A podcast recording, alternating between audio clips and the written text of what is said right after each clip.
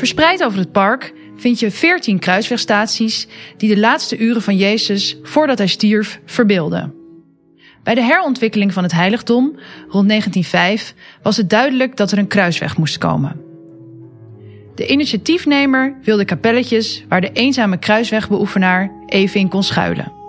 Tussen 1912 en 1920 werden de tijdelijke houten kruisen vervangen door de definitieve kruiswegkapellen.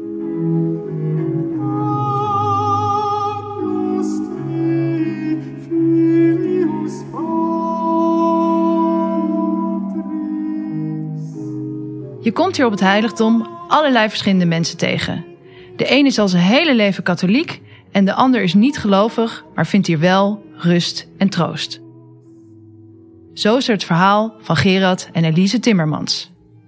Er was een kennis die eigenlijk, uh, toen ik vertelde dat wij in Akersloot waren komen wonen, die vroeg mij: Goh, ken je dan het putje van Heilo?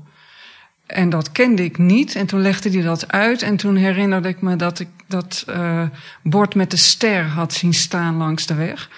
En toen ben ik er naartoe gereden, gewoon om eens te kijken. En ik ben uh, de Genadekapel ingegaan. En daar heb ik gewoon eens een tijdje gezeten in stilte. Kan me niet herinneren of ik een bepaalde vraag had, maar ik zat daar gewoon in stilte. En in één keer hoorde ik heel duidelijk: hier ben je op je plaats.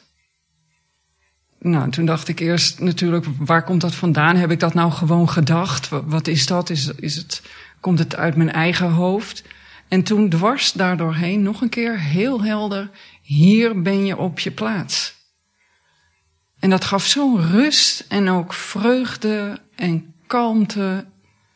Nou, ik heb daar nog een tijd gezeten en toen ben ik naar buiten gegaan en nog wat rondgelopen. En toen kwam ik bij het Oesdom en daar hing een aanplakbiljet voor het koor, dat ze mensen zochten. Dus toen uh, ben ik bij het koor geweest. Achteraf heb ik gehoord dat ze dachten van nou, die blijft nooit lang. Maar ik bleef dus wel. En dan voor het eerst in mijn leven moest ik dus bijna elke zondag naar de mis.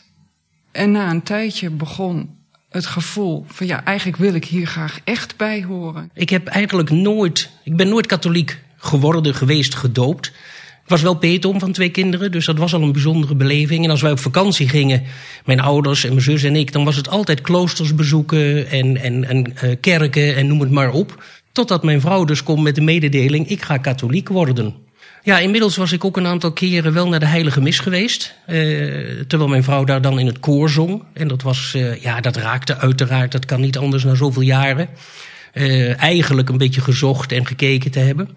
En na de, de, de Heilige Mis is er altijd een koffiemoment in het Oesdom. En daar komen ook de zusters en, en de priesters. En daar hebben we een aantal gesprekken gevoerd. En uh, ja, een aantal gesprekken hebben mij ook daar diep geraakt. Uh, onder andere met Pater Weijers, uh, maar ook met de rector Jeroen de Wit. Ehm, ja, en dat leidde toch ergens tot het moment dat ik besloot, ik ga me ook laten dopen. Ja, en vanaf dat moment was het eigenlijk weer een hele duidelijke samenweg geworden. Om samen op weg te gaan naar dat dopen. dat was dan de paaswaken in 2018. Uh, waardoor, waar we dus door, door Monsieur Punt, hè, toen nog de bisschop van het bisdom Haarlem-Amsterdam, zijn gedoopt en gevormd. En de eerste keer de heilige communie ontvangen hebben. Wij hadden in het verleden wel erover gehad om te trouwen. Dat was ook een verlangen wat we hadden. Maar dat was er eigenlijk nooit van gekomen. En nu dachten we, ja, als wij dit goed willen doen, dan hoort dat erbij. En we zijn, ons huwelijk is ingezegend door Pater Weijers. Het was een hele warme en mooie gebeurtenis. Ja, het was, was en is nog steeds heel bijzonder om op dit heiligdom uh, te mogen komen, te kunnen rondlopen en met al die mensen ons geloof te mogen vieren.